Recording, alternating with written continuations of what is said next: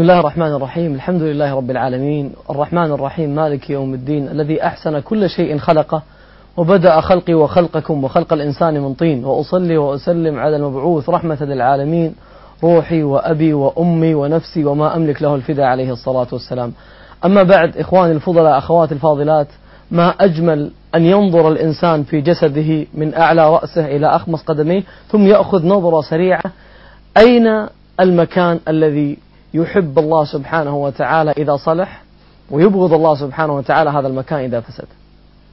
أين ينظر الله سبحانه وتعالى؟ الله سبحانه هل ينظر إلى أشكال الناس وإلى صورهم وإلى كم عندهم في الأرصدة لا ينظر الله سبحانه وتعالى إلى هذا.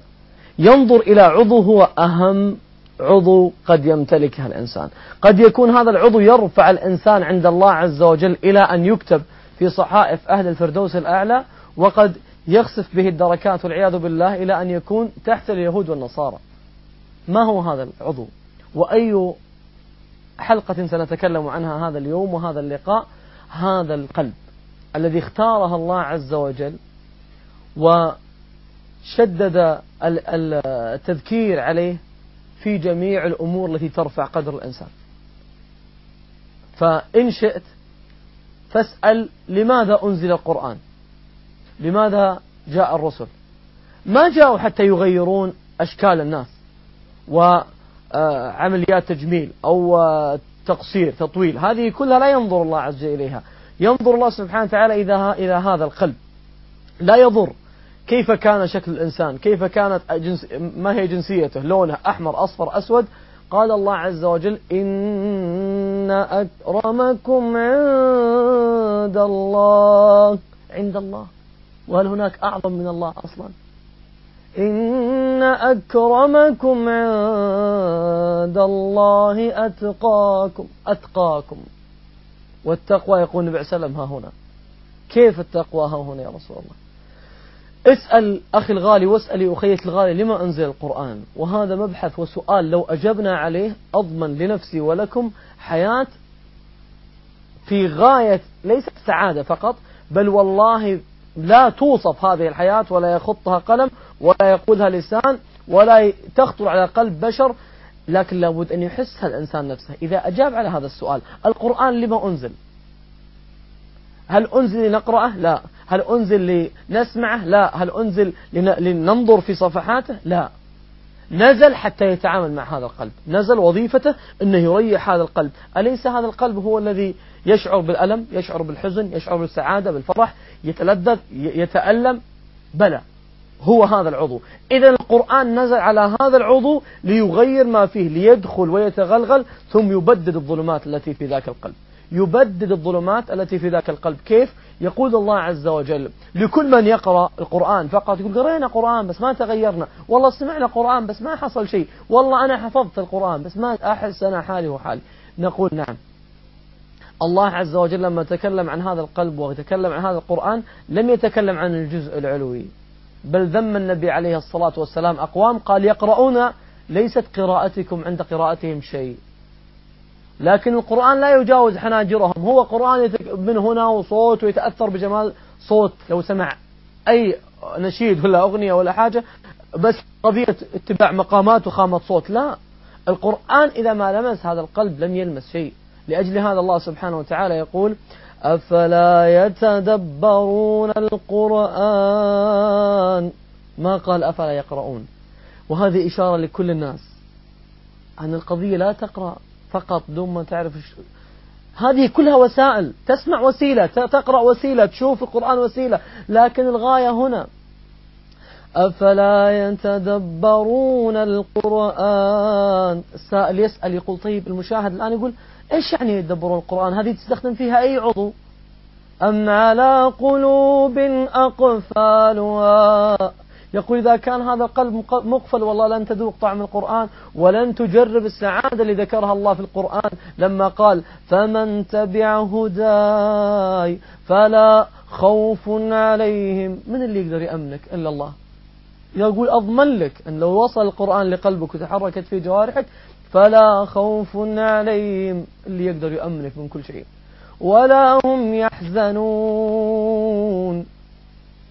الوعد الثالث فمن اتبع هداي فلا يضل ولا يشقى. كتب الله أنه لا يضل ولا يشقى. والطريق واضح عنده لا فيها غبش ولا خوف عليه ولا هو يحزن. تخيل هذه الأحاسيس كلها وين نحسها؟ ما نحسها بعيوننا. عشان كذا ناس كثير يبغى يبعد التعاسة اللي عنده في القلب بمشهد ينظر إليه. لا سيمتعك لحظات ثم مجرد ما ينتهي.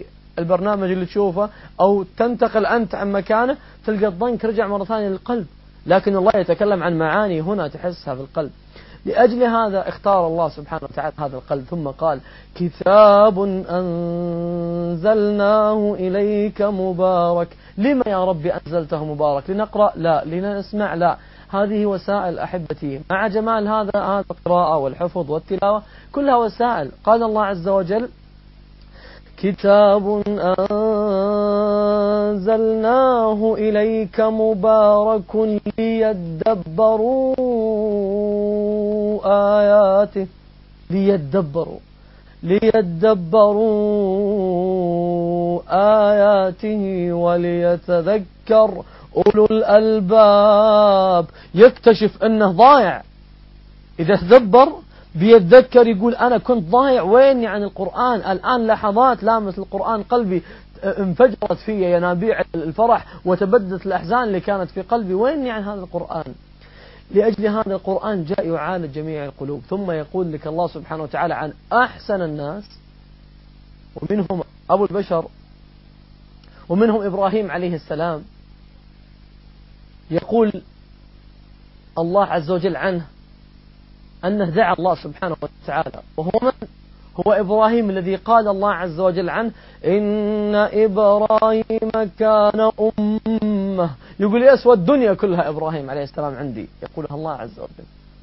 إبراهيم يقول الله عنه وإبراهيم ما له يا رب إبراهيم؟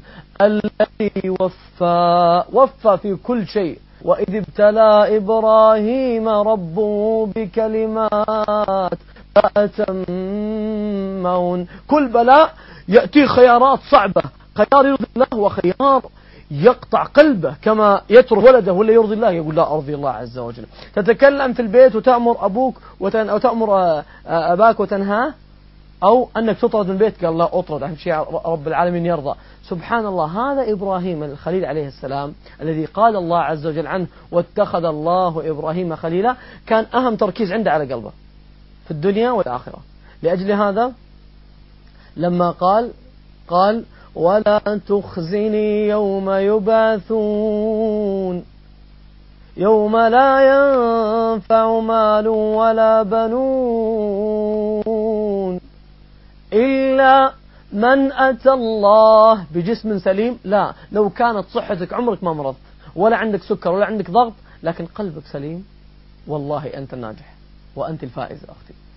إلا من أتى الله بقلب سليم. هذا القلب إن الله لا ينظر إلى صوركم ولا إلى أموالكم وفي رواية ولا إلى أشكالكم لكن ينظر إلى قلوبكم. هذا المحط لو الآن ينظر الله سبحانه وتعالى إلى قلب المسكين اللي متكلم وقلب اللي يسمع إيش فيه؟ في ناس تنبض قلوبها بحب كل شيء أرضي. إلا الله عز وجل. إن قالت لله عز وجل تقولها بلسان. نعم أحسن واحد أحسن أحد نحبه هو الله وأعظم أحد في قلوبنا هو الله. كلام. قال الله عز وجل قالوا آمنا بأفواههم ولم تؤمن قلوبهم. ما فادهم هذا الكلام. أحسب الناس أن يتركوا أن يقولوا آمنا. يقولوا آمنا وهم لا يفتنون. ولقد فتنا الذين من قبلهم فليعلمن الله الذين صدقوا وليعلمن الكاذبين. إذا الناس تقول آمنا لكن يقول الله سأفتنه وأختبره بأمور هل يرضيني ولا لا. أما في قضية آه، قرض يبغاه وما حصل إلا قضية فيها ربا فنرى هل هو بيصبر ولا لا. والله نبتلي مثلا ما قدر يتزوج هل بيزني ولا بيصبر؟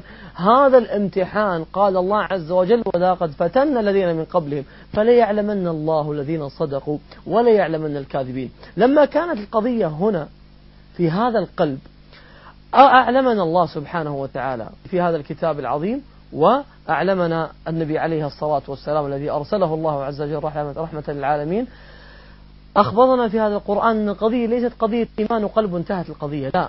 أن ما كان في هذا القلب لا بد أن يبين على الجوارح وكل إناء بما فيه ينضح. قال الله عز وجل الذين آمنوا ثم تجد بعدها عملوا الصالحات. ليه علاقة العمل الصالحات؟ عشان يأتي هذا الرد لكل من يقول والله الإيمان هنا. تلقاها متبرجة وتسوي قالت والله أنا أحسن أنت ما تعرف إيش في قلبي. اللي يقول الله عز وجل لو كان في القلب شيء طلع. لأن الإيمان اللي هنا يصير يأمر القلب هذا الملك الجوارح يأمر الجوارح تشتغل صح الدليل. قول النبي عليه الصلاة والسلام في الصحيحين لما قال ألا إن في الجسد مضغة. إذا صلحت إيش يصير؟ طيب إحنا إيش عرفنا في صلاحها؟ الناس تخرب من برا وتقول والله إحنا من جوا طيبين. يقول النبي عليه الصلاة والسلام إذا صلحت هذه المضغة إذا صلحت صلح سائر الجسد صار القلب الحي يخاف رب العالمين. فقبل لا تقول أي كلمة لا ترضي رب العالمين القلب اللي تدبر القرآن وصلها القرآن يقول لها ما يلفظ من قول إلا لديه رقيب عتيد. يقول لها ويل لكل همزة لمزة ترجع الكلمة. سبحان الله. النظر الحرام يجي القلب يقول قل للمؤمنين يغضوا من أبصارهم. فمباشرة القول قاعد يأمر الجوارح. تلقاها تمشي في الشارع وتشوف منديل طايح ثم هي ليست تعمل عاملة نظافة ثم قلبها يقول وإماطة الأذى عن الطريق صدق وما يدريك هذا العمل إيش يسوي فيك عند الله سبحانه وتعالى. تجد في حركات القلب يأمر الذي يقوم الليل ويصوم النهار ما الذي دفعه هل هو يعني ما يشتهي أكل ولا ما يشتهي النوم؟ لا يشتهي النوم. لأجل هذا تريد مثال بسيط انظر لمن يتكسر في المراقص من الليل لين الصباح. أتحداه. أتحداه على هالعضلات اللي تحركت ثمان ساعات وسبع ساعات وأخت اللي تترقص في الزواجات لها أربع ساعات ما تتعب قل لها قومي ركعة في الليل. ما تقدر. لأن القضية مي قضية طاقة جسم جسم يتحرك. لكن يوم نبض الجزء القلب بحب إبليس والشهوات وزين لهم سوء أعمالهم جاء قاموا يشتغلون إبليس. لكن لما ما نبض القلب لله سبحانه وتعالى صعب عليها تقوم الليل. صعب عليها تقوم ركعتين في الليل. أنا قايم سبع ساعات. القضية ما هي قضية تعب أجساد. القضية قضية هذا. أجل هذا لما سئل شيخنا العلامة ابن باز عليه رحمة الله سألوه قالوا أنت الآن ما تنام إلا ثلاث ساعات أربع ساعات في اليوم وبعد الفجر دروس وبعد الظهر وكل حياتك دعوة وعلم وإفتاء الموظف الوحيد في العالم الذي ما أخذ إجازة في حياته ما أخذ إجازة من الدوام نهائيا. طيب سألوه قالوا كيف؟ قال قام واحد من الطلاب قال والله يا شيخ تعلمني إحنا طلابك وشباب وأقل يعني ثلث عمرك ومع ذلك نتعب وانت أنت تلقي وأنت اللي تتكلم وإننا نتعب وكل شيء واحد يروح يغسل بعد الفجر ويرجع كيف استعنت بهذا؟ قال إن القلب إذا تلذذ بطاعة الله عز وجل ما عاد يحس بتعب الجوارح. صحيح القلب إذا تعلق برب العالمين لأجل هذا كان النبي صلى الله عليه وسلم يعمل يعمل فلا أكون عبدا شكورا. القضية قضية القلب إذا تحرك. قال الله عز وجل قد أفلح المؤمنون. الإيمان وين فيه؟ في القلب. طيب انظر لبعدها. ذكر ظاهرة قال الذين هم في صلاتهم خاشعون. جماعة خلنا هل نخشع في صلاتنا؟ هذا السؤال لابد نشتغل عليه من اليوم. يا رب ندعو ونجعله هدف عندنا. يا رب تجعلنا في الصلاة نفسها في سجودك قبلها بعدها أتزود من الخيرات عشان على الله؟ أنه يرزق والذين هم عن اللغو معرضون. اللغو كل ما لا حاجة فيه وما ينفع. في ناس الآن ترى يا جماعة وجدت لذة هذا العمل في قلبها. لما صار يقدر يقول الكلمة ثم هو يقدر يقولها الآن يقدر يضحك اللي حوله ويقدر يقدر فتلقاه بدل ما يقول لا ما تنفع لا هو ولا تنفع اللي حوله. فقام استرجع ما حد يدري عنه استرجع وقال يا رب اغفر لي يا رب تجعلها الكلمة اللي رجعتها يا رب تجعلها رفعة اللي في درجة ونور في قلبي. والله العظيم أنا أقول جرب وسترى النتيجة. بعض الكلمات اللي ما تحتاجها أنت سبح بدالها استغفر آه، هلل ادعي الله سبحانه وتعالى أن يرزقك لأن الله سبحانه يعطي الدنيا من يحب ومن لا يحب كما قال النبي عليه وسلم ولا يعطي الدين إلا من يحب. فهذا هدف المفروض كلنا نسعى لأجل كيف نصل إلى أن نكون ممن يحب الله عز وجل. الآن تكلمنا عن قضية أهمية القلوب. طيب فيه عمل واحد عمل واحد فقط. قد لا يشعر فيه الإنسان إذا أتى يفسد جميع الأمور اللي سواها الإنسان سواء بقلبه أو بلسانه أو بجوارحه. لو متصدق بخمسة مليار وقائم الليل ما ينام وصايم النهار ما يفطر. لو سوى كل هالأعمال وجاء عند الله سبحانه وتعالى وفي صحيفته هذا الأمر تفسد الدنيا دي كلها اللي هو أن تأتي يوم القيامة أختنا الغالية أو أخونا يأتي يوم القيامة وقد استزله الشيطان. ثم تجده ينطرح عند قبر ويقول يا ولي يا فلان. والله سبحانه وتعالى يقول إن الشرك لظلم عظيم. إن الله لا يغفر أن يشرك به. مستحيل يغفر الله سبحانه وتعالى الشرك. بل لو كان محمد عليه الصلاة والسلام. طيب واحد يقول يا أخي مين قال لك إن هذا شرك يا أخي؟ إحنا ما نعبدهم إحنا بس مجرد ندعوهم. يقول الله سبحانه وتعالى وقال ربكم ادعوني أستجب لكم. ماذا قال بعدها؟ إن الذين يستكبرون عن عبادتي ما قال عن دعائي. هو قال الدعاء العبادة والنبي صلى الله عليه وسلم يقول الدعاء هو العبادة. لكن طيب يا أخي لما ينطرح هذا عند القبر من قال لك أنه مشرك؟ نقول يا جماعة لن نقول فلان قال وقال الإمام فلان لا. نقول قال الله سبحانه وتعالى إن تدعوهم لا يسمعوا دعاءكم. يقول ما يسمعون دعاءكم. يقول ناس لا لا والله يسمعون. كمل الآية. ولو سمعوا لو سمعوا. ولو سمعوا ما استجابوا لكم. يقول لو سمع ما استجاب لك. طيب ما انتهت القضية؟ لا كمل الآية. باقي مشهد ثاني سيخرج الله من تحت الأرض هذا اللي في القبر سواء من الأولياء أو الصالحين. يخرجه ويخرج هذا اللي كان يطرح عنده. يقول الله سبحانه وتعالى إن تدعوهم لا يسمعوا دعاءكم. ولو سمعوا ما استجابوا لكم ويوم القيامة يكفرون بشرككم ولا ينبئك مثل خبير. يقول بأخرجك من القيامة ما أنت يا من دعوت والمدعو. فلنسألن الذين أرسل إليهم ولنسألن المرسلين فلنقصن عليهم بعلم وما كنا غائبين. يقول الله رأينا فيأتي بهؤلاء يقول الله يوم القيامة سيخرج هذا ويكفرون. أي يجحدون؟ بإيش؟ بذنبكم؟ لا. بشرككم ولا ينبئك مثل خبير. ماذا قال بعدها؟ ولا ينبئك مثل خبير. يا أيها الناس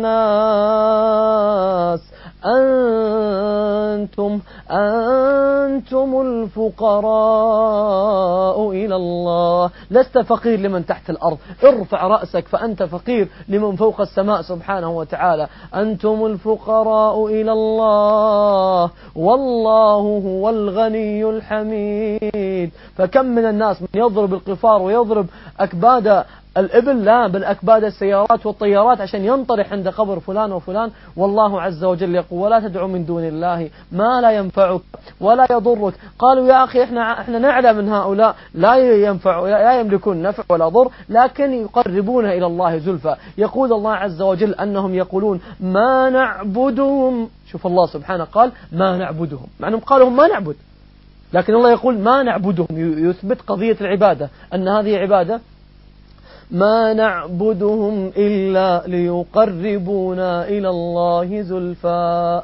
يقول نعم يقول إحنا نتقرب يقربونا يقول الله شرك. وهي عبادة سماها في بداية الآية. هل أمرنا الله عز وجل بهذا؟ قلب صفحات القرآن. وانظر هل قال الله عز وجل آه اذهب وانطرح بين أيديهم؟ لا. قال قالوا هؤلاء أولياء. نعم والله عز وجل إن كانوا أولياء فالله سبحانه وتعالى قال ألا إن أولياء الله لا خوف عليهم ولا هم يحزنون. قال بعدها اعبدوهم لا. قال الذين آمنوا وكانوا يتقون. قال نعم صر مثلهم.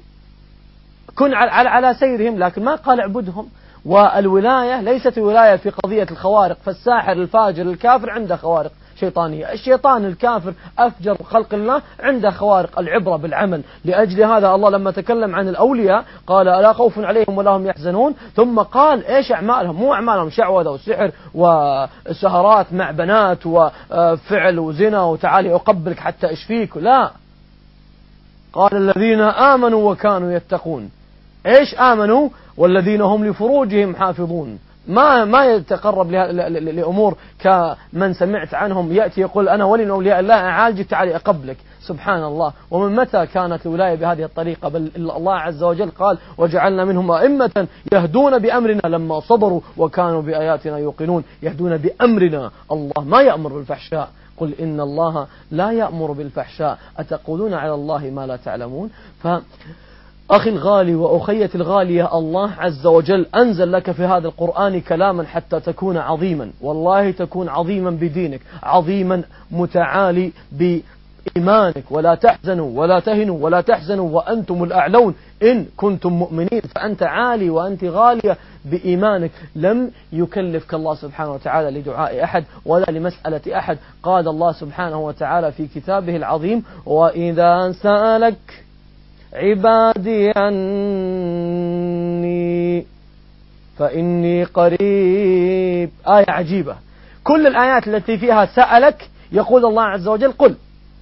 ويسألونك عن المحيط قل هو هذا. يسألونك عن الأهلة قل إلا هذه الآية. لأن الله لا يريد واسطة في هذا بينك وبين الله سبحانه وتعالى في العبادة. في تبليغ الرسالة نعم يبلغ الرسول وجبريل كان مكلف بالأمن بالوحي وهو على ذلك أمين. ثم نزل به الروح الأمين على قلب النبي عليه الصلاة والسلام ليكون من المرسلين. نعم هذا تبليغ الرسالة. كلهم قالوا لا تعبدون إلا الله ولا تسأل أحد إلا الله. قال الله وإذا سألك عبادي عني فإني قريب. أجيب ما قال أسمع. أجيب دعوة الداعي. متى؟ إذا راح لأحد يدعوه يتوسط له عندي؟ لا. إذا دعان على طول. إذا دعاني. إذا دعان المطلوب لا أن تستجيب لأحد تحت الأرض أو ممن يدعي أنه يقرب الناس إلى الله عز وجل بجاهه عند الله. لا. نعم قد ننصح الناس وينصحوننا ونقرب بعضنا بقضية الدلالة على أعمال الصالحة. لكن لا بقضية أن أحد له من البشر الآن المعاصرين هو يقربنا إلى الله وما أقدر أدعو الله إلا عن طريقه. لا والله. قال الله وإذا سألك عبادي فإني قريب أجيب دعوة الداعي إذا دعان المطلوب منك لا تسافر عند قبر ولا تذهب لأحد. فليستجيبوا لي وليؤمنوا بي لعلهم يرشدون. قل ما يعبأ بكم ربي لولا دعاؤكم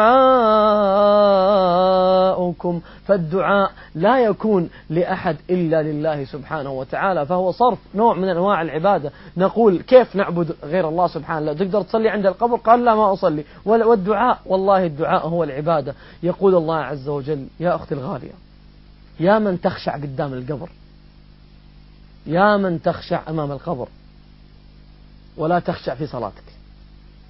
من أعظم عندك في قلبك؟ تجده يأتي بحضور قلب الشيطان منصرف عنه. أخشع الآن في الشرك خلك مشرك وأخشع على كيفك. يعتقد أن هذا إذا اعتقد هذا أن هذا يملك النفع ولا ضر. يقول النبي عليه الصلاة والسلام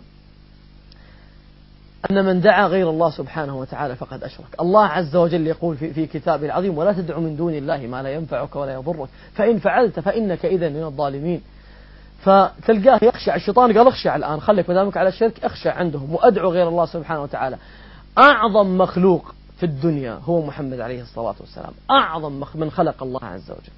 ومع ذلك يقول عن نفسه عليه الصلاة والسلام قل لا أملك لنفسي نفعا ولا ضرا. أنت يا رسول الله وأنت حي تقول لا تملك نفسك ولا ضر هذا الكلام وين يا جماعة؟ لقيناه في التوراة ولا في الإنجيل؟ نقول محرف. هذا الكلام في القرآن. قل لا أملك لنفسي نفعا ولا ضرا. إلا ما شاء الله. نعم هو الملك وحده سبحانه وتعالى وكل الخلق عبيد. نعم هو هو الملك سبحانه وتعالى. الرسل عباد لله سبحانه وتعالى. سبحان الذي أسرى بعبده. عباد مكرمون. إنه كان عبدا شكورا. كلهم عباد فلا يفرق بين العبد والمعبود سبحانه عليه جل جلاله. أعلى منزلة في الدنيا هي منزلة محمد عليه الصلاة والسلام. ومع ذلك يقول لا أملك لنفسي نفعا ولا ضرا إلا ما شاء الله. فهذا الكلام هو حي من الآية. ولو كنت أعلم الغيب لاستكثرت من الخير. وما مسني السوء. لو كنت أعلم الغيب يقولها النبي عليه وسلم عن نفسه الذي نقل هذا الكلام هو الله سبحانه وتعالى عن طريق جبريل عليه السلام فعندنا كلام الله عز وجل وعندنا كلام غيره ما نصدق. إحنا ما تعبدنا أن نأخذ كلام الناس. قال لا لا يعلم الغيب. هو يقول عن نفسه عليه الصلاة والسلام أأنتم أصدق هم هو؟ يقول لا أملك لنفسي وأني ما أعلم الغيب إن أنا إلا نذير.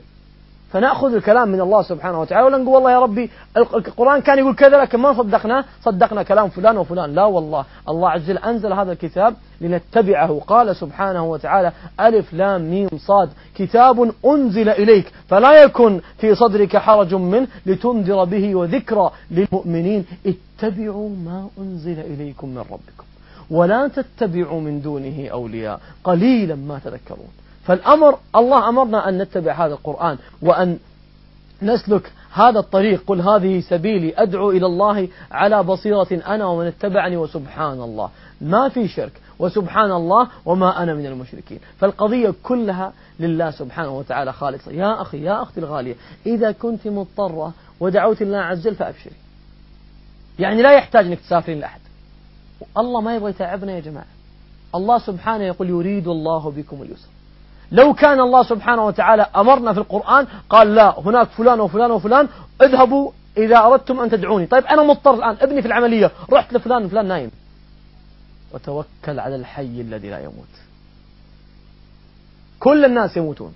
لأجل هذا لو كانت القضية كذا كان تعبنا. الله ما يريد أن يتعبنا يا جماعة. الله عز وجل يسر لنا هذا الدين.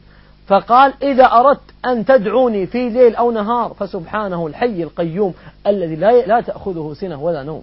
فتدعوه في الليل وفي النهار. طيب يا ربي ما هي الشروط التي تقبلنا فيها؟ يا ربي الآن أنا أنا أنا مضطر وعندي مشكلة. إيش أسوي؟ أروح لحد يقرأ علي؟ أروح لحد يعلمني؟ لا. هذا الأصل. الأصل أنك ما تروح.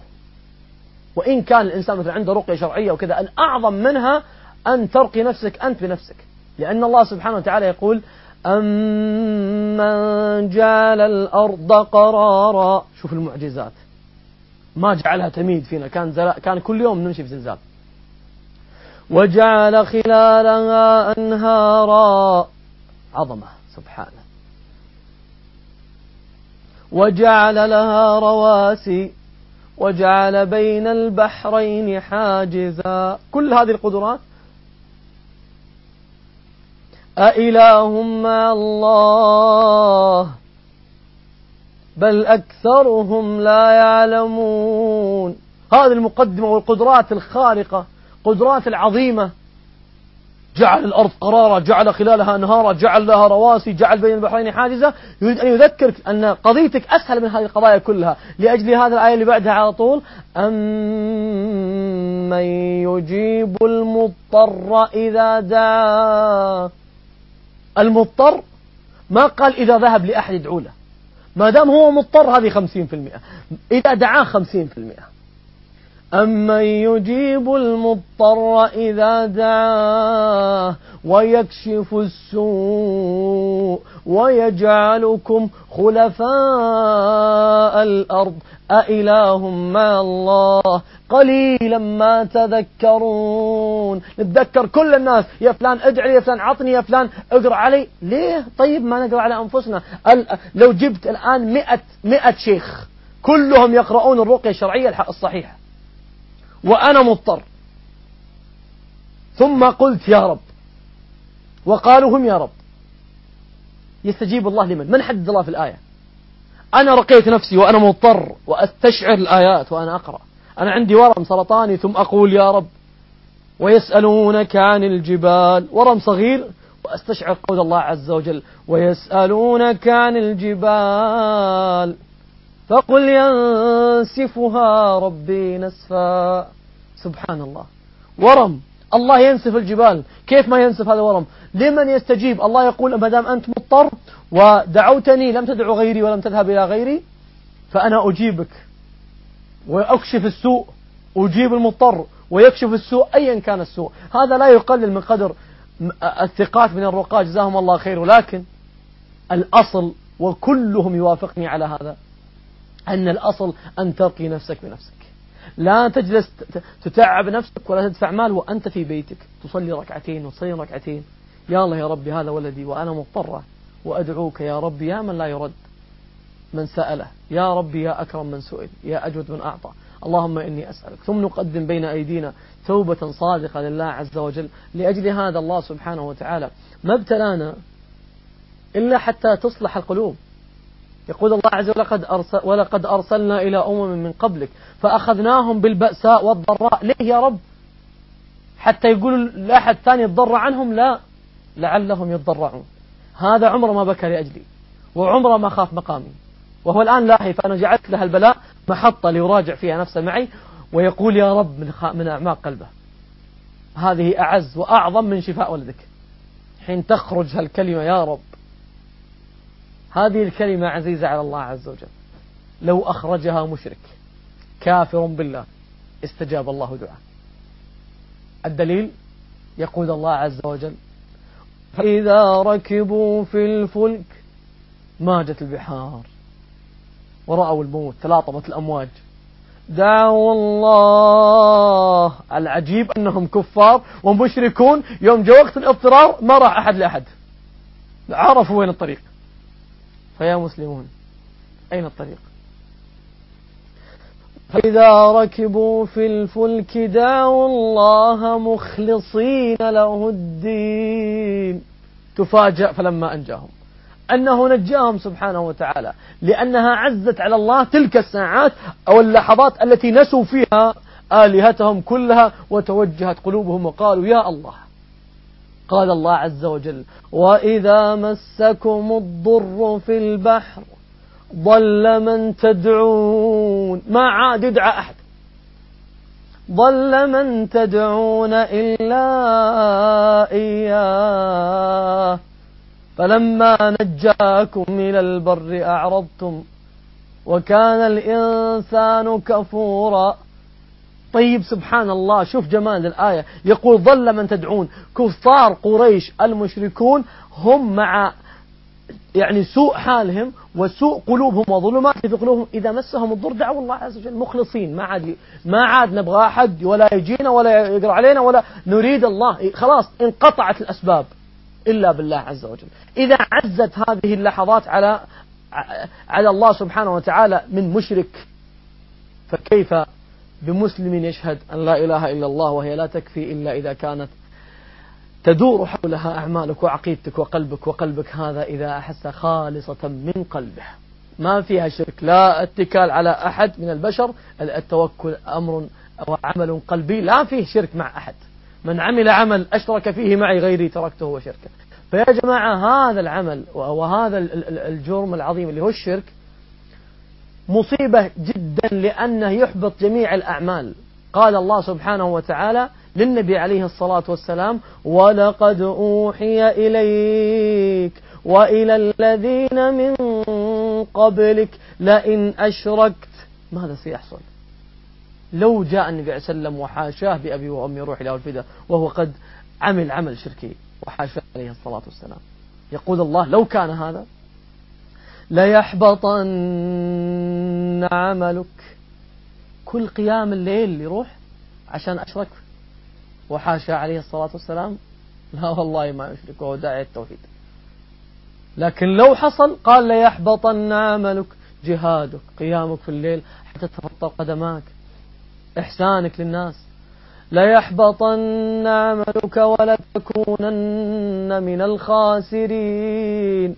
بل الله فاعبد وكن من الشاكرين وما قدر الله حق قدره. والله هذا هذه هذا جملة الموضوع. وهذه زبدة الموضوع وخلاصته. والله لو عظم الله في القلوب لا رأيت أنها تأبى عليه نفسه أن يدعو غير الله عز وجل. تأبى عليه نفسه أن والله أذهب. لا والله.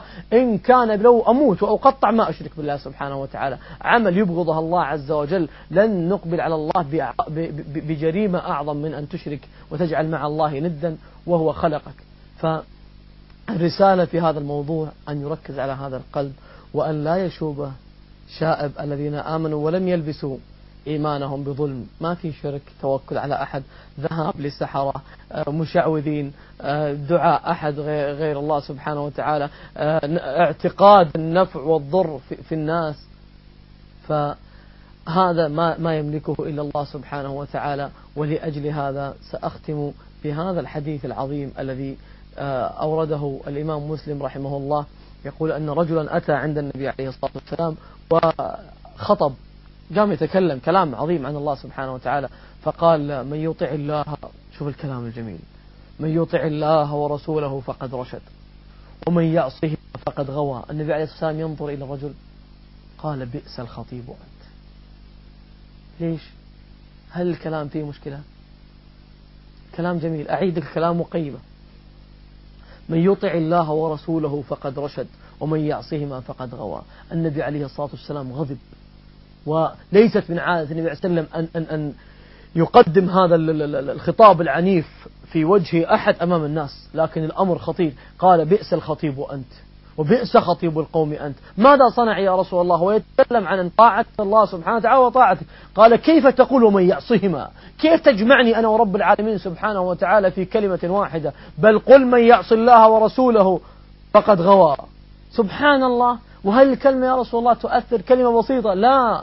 الكلمة نجد الآن سمومها لأن يوم اليوم تدخلني معه في كلمة وغدا تدخلني مع الله عز وجل في عبادة. لأجل هذا غضب النبي عليه الصلاة والسلام من هذه الكلمات وهذه الحروف حينما توضع في غير موضعها وهي الآن بالفم لكن تعتقد بعد أزمنة يدخل الشيطان. قال رجل من الرجال ما شاء الله وشئت. قال النبي عليه الصلاة والسلام أجعلتني لله ندا. وفي رواية أجعلتني والله عدلا.